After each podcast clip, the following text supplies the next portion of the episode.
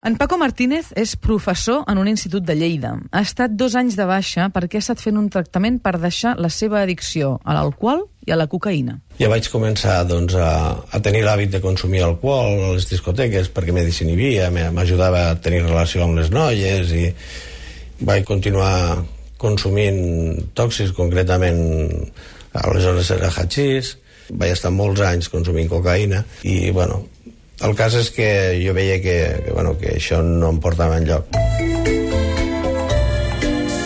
En Paco se n'ha sortit i ha tornat a refer la seva vida. Ell ha estat un dels protagonistes d'aquesta setmana de l'endemà de TV3, dedicat a persones que han deixat les seves addiccions. Addiccions com el joc, l'alcohol o les drogues. A Catalunya cada any hi ha 12.000 persones que comencen tractament per deixar una addicció. Avui ens acompanya a l'estudi l'Àngels González, que és psicòloga clínica i cap de la unitat de joc patològic de l'Hospital de Mataró. Bon dia, Àngels. Bon dia. Com estem? Molt bé. Moltíssimes gràcies per acompanyar-nos. Gràcies. També ens acompanya, com dèiem, la Laura Duran, que el que farà també és recollir una miqueta el que vosaltres heu dit des que es va emetre el programa fins avui a les diferents xarxes socials, ja sigui en el Facebook o a la pàgina web del programa com en el nostre. Em sembla que, a més a més, Laura, aquest ha estat un capítol especialment prolífer en aquest sentit, eh? Sí, bàsicament, eh, també molts oients recorden que aquest ha estat l'últim capítol de l'endemà, també, i que, per tant, molta gent ha volgut felicitar el programa durant tota aquesta temporada, però bàsicament perquè hi ha un munt de persones que, sigui o per l'alcohol, o pel tabac, o, o per diferents tipus de d'addiccions han volgut també explicar la seva experiència. Per tant, hi ha tots els punts de vista, des dels que ho viuen fins tot la família també que opina en els correus electrònics. Àngels, el programa estava dedicat a persones que han aconseguit deixar les seves addiccions, però parlem d'addiccions molt diferents. Parlem d'addiccions al joc, a l'alcohol, a les drogues... Això vol dir que, en el fons, tots tenen algun punt en comú com a addicció? Segurament sí. Mira, precisament nosaltres a l'Hospital de Mataró estem fent un estudi juntament amb la Universitat de Yale per observar això, per veure si els jugadors patològics, els eh, que són només jugadors, els jugadors que a més tenen unes altres dro tenen drogodependències o altres addiccions, tenen punts en comú. Sembla ser que sí, eh? sembla ser que inclús a nivell biològic, que això és important dir-ho, que a nivell biològic hi han diferències, o sigui, hi han vulnerabilitats. I això és important que ho sàpiguen les persones que tenen aquest problema, perquè moltes vegades es pensen que tenir una addicció no és res, que no és un problema, que no és una malaltia, i sobretot ara ha les addiccions tòxiques, tenim un reconeixement, però les no tòxiques, com el joc patològic, encara hi ha gent que pensa que això s'ho fa ell mateix. Doncs clar, si estem veient que hi han una sèrie de característiques a nivell neurològic, a nivell bioquímic, que fan diferent de la, la persona que pot tenir una addicció a la que no, bueno, estem davant... Per tant, estem parlant d'una predisposició a l'addicció? Sí, estem parlant d'uns factors de predisposició, de vulnerabilitat, i això ens explicaria el que en una societat com la nostra, si parlem del joc, per exemple, que hi ha joc per tot arreu, o que beure alcohol, doncs, bueno, és un, està ben vist a nivell social, perquè hi ha persones que sempre poden jugar un control, sempre poden veure un control, i hi ha persones que no. Uh mhm. -huh. S'explicaria per això, per aquests factors de vulnerabilitat. Aquests factors dels quals són motiu l'estudi que, que esteu fent, com ara comentaven, són motius biològics, com deies, però també suposo que n'hi ha de, de socials i de culturals, sí. evidentment, que no es poden sí. menys tenir. No, jo he parlat dels biològics perquè així, mm, els oients i la, les persones que ens escolten, quan senten biològics sembla que fan més cas, no? Ah sembla que sí. Va, que Com a... menys, Quan hem de parlar no? dels hàbits, no? Sí, la sensació que... Llavors, clar, per això ho he dit en primer lloc, sí, sí, eh? Sí, per donar-li rigor i per donar-li serietat. Molt bé. Evidentment que també hi han factors de tipus psicològic eh, que mantindrien o que posarien en marxa aquesta addicció. Per exemple, hi ha persones que els hi costa molt mm, dir que no, hi ha persones que els hi costa molt expressar emocions, l'alegria, la tristesa, estan enfadats, i troben eh, a través de l'addicció un mecanisme eh, per escapar-se dels problemes que després no és que no, a, a, no, la greuja. No, la greuja. Eh? Um, aquests serien factors de tipus psicològic.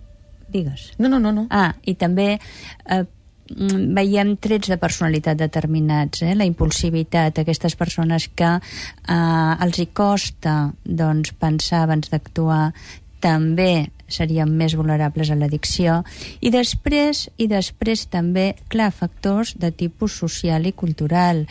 En un país, en una societat que hi ha molt joc, o que hi ha molt alcohol, o que es fuma molt, doncs, bueno, també hi ha més persones que ho proven i més persones Per que tant, tenen problemes. trets biològics, trets socials i culturals i, evidentment, circumstàncies personals. A raíz de la separación, pues me hundí y todo me daba igual. En las maquinitas, pues se te pasaba el tiempo, te encontrabas a gusto y tira para adelante. Quan ten- tenia 9-10 anys, jo feia campana i vaig començar amb, amb la cola, la base, el, el que és el pegament. O sigui, no passa res perquè em prengui un whisky després de sopar. És normal. I no passa res perquè em prengui mitja ampolla de vi per sopar. I no passa res perquè després de dinar em prengui una copeta. Bueno, i a mitja tarda anem a prendre un gin tònic, que tampoc no passa res. Vaig anar amb una amiga amb un bingo. Vaig tenir la mala sort de guanyar. Moltes coses sentit en aquest tall. Sí. Sí. D'entrada escoltem el testimoni d'aquest noi que de petit, amb 9-10 anys, perdó, diu que es va enganxar a la cola. Això d'entrada amb una addicció que per la majoria ens fa obrir molt els ulls i dir, "Co- què? Que com? Mm. Com passa això? Bueno, ell ha dit una cosa molt important, ha dit feia campana. Mm. Eh? Això ja és un tret de personalitat mm, que ens, ens apropa la vulnerabilitat, la impulsivitat, el, doncs, la, la, la, la, el no compliment de pautes, el no compliment de normes, eh? seria un factor a tenir molt en compte amb els nens. Eh? Això ja per fer prevenció. Molt bé. L'altra persona que ha parlat i ha dit arrel d'una separació, uh Mhm. -huh. hi ha persones que no poden suportar el dolor. Mm? També estem en una societat on es prima. El dolor no existeix, la felicitat... Ens... S'amaga una miqueta, no? Fins i tot, Vinga a prendre sí. pastilles perquè plorar no està bé, no està trist tampoc, sempre hem d'estar amb una caricatura. Llavors, no sabem, no sabem aguantar el dolor. Llavors, moltes persones, quan estan en un moment de crisi personal, eh, bé, troben amb l'alcohol o amb una altra droga aquest benestar. Eh? I llavors, mm, a poc a poc, i mica en mica, com que són vulnerables, s'enganxarien. Un altre testimoni, no passa res. Per això no passa res. Sí. Per allò no passa res. Quina capacitat tenim per enganyar-nos a nosaltres mateixos, eh? Això és la minimització. Eh? Eh, La persona que està començant una addicció, un dels símptomes mm, primordials és això, la minimització total. Bueno, per una copeta més que em prengui, no passa res. A més, com que eh, estem en una societat ara, ara menys, ara tenim més informació, però que al veure doncs sembla que no... Bueno, d'entrada és legal. Bueno, evidentment. No, vull dir que, I és veritat, quan l'addicció és Clar, una cosa que és legal, clar, sembla sí. que sigui menys perillosa. Sí, no, i que evidentment, eh, per, està bé doncs, una, un bon menjar doncs, amb una uh -huh. beguda dient, clar que sí. El problema està quan hi ha un abús i el problema està quan aquesta persona se n'adona que en necessita més i comença a minimitzar. Aquí ja comença el problema. Uh -huh. um, per tant, hem donat algun tret, alguna pista del que podria ser un perfil de persona potencialment addictiva, però també sabem que la majoria de persones addictives són homes d'entre 25 i 50 anys. El fet que siguin homes, com s'explica? Bueno, um, aquí hauríem de saber um, d'on estan, de, de quina població ens estem referint. Si ens estem referint a població que acudeix als centres de tractament, hi ha més homes que dones. Eh? Per què? Bueno, doncs perquè a la dona encara li costa, li costa acceptar, i el seu entorn encara més, està sola la dona davant d'una addicció. Si fem eh, um, aquest estudi en població general, aleshores s'equipara una mica, encara que hi hagin més homes que dones. Això és perquè sembla ser que l'home, um, per regla general, és més impulsiu eh? o prova més, és més buscador de sensacions, entre cometes, que la dona. I la dona comença l'addicció més lentament i per causes més mm, efectives. Va, per tant, aquí l'explicació sí que no és biològica, pel fet que la majoria siguin homes. Pel que està dient, hi ha una predisposició més per motius culturals Bueno, no, perquè, clar, aquí estaríem parlant de la impulsivitat, més que... Ah, clar, això també forma Com a- part de, de, de l'ADN de l'home, Clar, diguéssim. o sigui, també, eh, Mm, també, mm, mm. perquè la forma que t'han educat, Clar. això també té molt a veure. Eh? Per això nosaltres, jo sempre insisteixo molt a la prevenció en les escoles, en els nens, eh, que demostrin emocions, que, que els nens puguin dir el que els hi passa, que no se'ls frustri en aquest sentit, no? Perquè aleshores, de grans, també ho podran expressar. Que tinguin l'autoestima ben situada, sí, no? sí.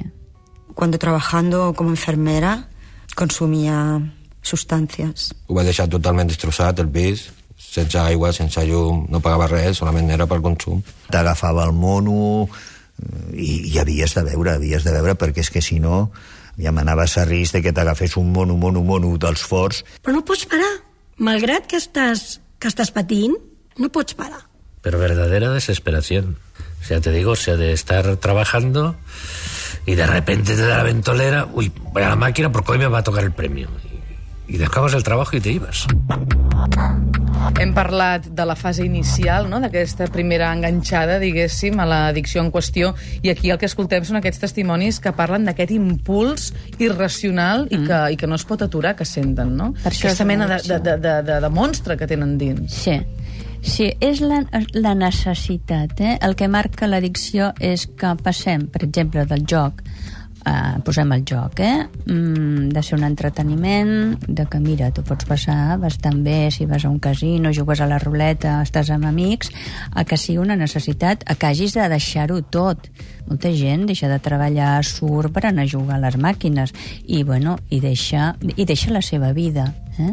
Això és el que és, és, és un problema amb, a veure, amb els trastorns psíquics sempre hi ha patiment però aquí és com si a més sembla que la persona pugui no? per ella mateixa la societat també minimitza una mica no? de, bueno, és alcohòlic perquè vol, veu perquè vol juga perquè vol ah, llavors doncs inclús moltes vegades arriba l'insult no? d'aquestes persones i això fa que els hi costi molt més de reconèixer el problema Dóna molta vergonya perquè no tothom entén que és una malaltia. No tothom entén que és un problema. No tothom entén que, ho, que no ho has fet especialment, que no ets dolenta. No tothom ho entén. El primer que diuen ets una viciosa, ets una mentidera. Aquesta incomprensió de la que ens parlava l'Àngels González, no? de no entendre que això és una malaltia i que, per tant, les persones addictes són malalts. Sí. Segurament, si aprenguéssim a veure-ho d'aquesta manera, um, rebrien un respecte que en molts casos Sí. no reben, com a persones que no controlen el que els està passant.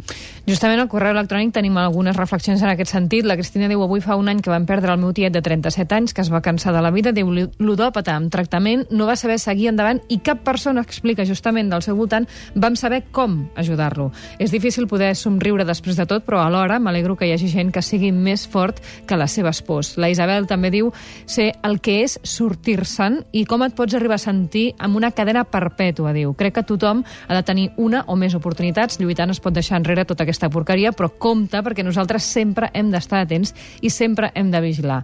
El Julio diu hi ha tantes addiccions dolentes que em quedo amb una frase de Situ Rinpoche que diu els drogadictes estan enganxats a les drogues però la resta estan enganxats a fer el mal. I en Robert també, per exemple, ens diu fa, ja fa un temps que sóc fora del sector comercial al que pertany, el Juan, diu i m'ha sorprès veure'l aquí a TV3 explicant la seva veritat. M'ha sorprès que tingui aquesta addicció però que tingui la capacitat de rehabilitar-se, de sortir-se'n i d'explicar-ho. Um, D'altra banda, hi ha un moment en què és la mateixa persona o la família o els amics els que diuen tens un problema, ho hem d'acceptar i ho hem d'encarar. En quin punt arriba això? Mm. Com ho encara això el malalt? Um, ho sol encara bé, perquè de fet moltes vegades està esperant, eh? Està esperant que li donguin la mà, el que a vegades no se sap és com donar-li aquesta mà. Jo diria, um, després doncs, d'aquest de, de, correu d'aquesta d'aquesta noia que va perdre el seu tiet per un, per, bueno, per un problema de joc patològic, mm -hmm que a Catalunya tenim 10 unitats de tractament especialitzat repartides a tot el territori. Som un, és, som un, dintre d'Espanya som pioners amb aquest problema. Jo vaig començar a l'any 87, vaig inaugurar la unitat de joc patològic de l'Hospital de Bellvitge, vaig estar allà fins al 2002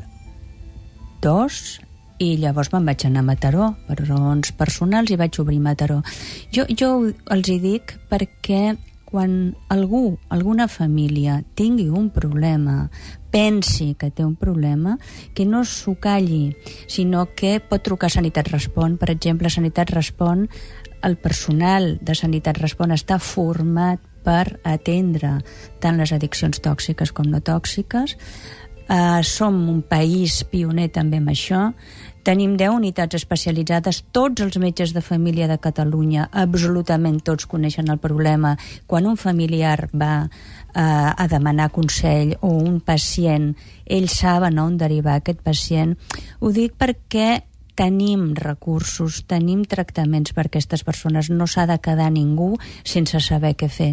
Això és algo important, molt important perquè si no hi ha una tendència a callar o et penses que no que no hi ha res que et pugui ajudar, que vagin al metge de família i el metge de família els ajudarà segur. Nosaltres et volem agrair, Àngels, que hagis vingut avui al suplement. Escoltar-te és un plaer. Gràcies per la feina Gràcies. feta i fins la propera. A vosaltres, Que vagi molt bé. gràcies. Gràcies, Laura, i gràcies Fins a tothom mateix. que ha volgut participar durant aquestes setmanes amb aquestes sinergies entre el, programa L'Endemà i el suplement. Ha estat tot un plaer poder participar d'aquest projecte tan encoratjador. Me sento a gust amb mi mateix, recuperat la meva filla, he recuperat la meva família. Bueno, he estat capaç de, de tenir una relació sentimental amb una, amb una altra persona i pues, això, he recuperat la dignitat com a persona.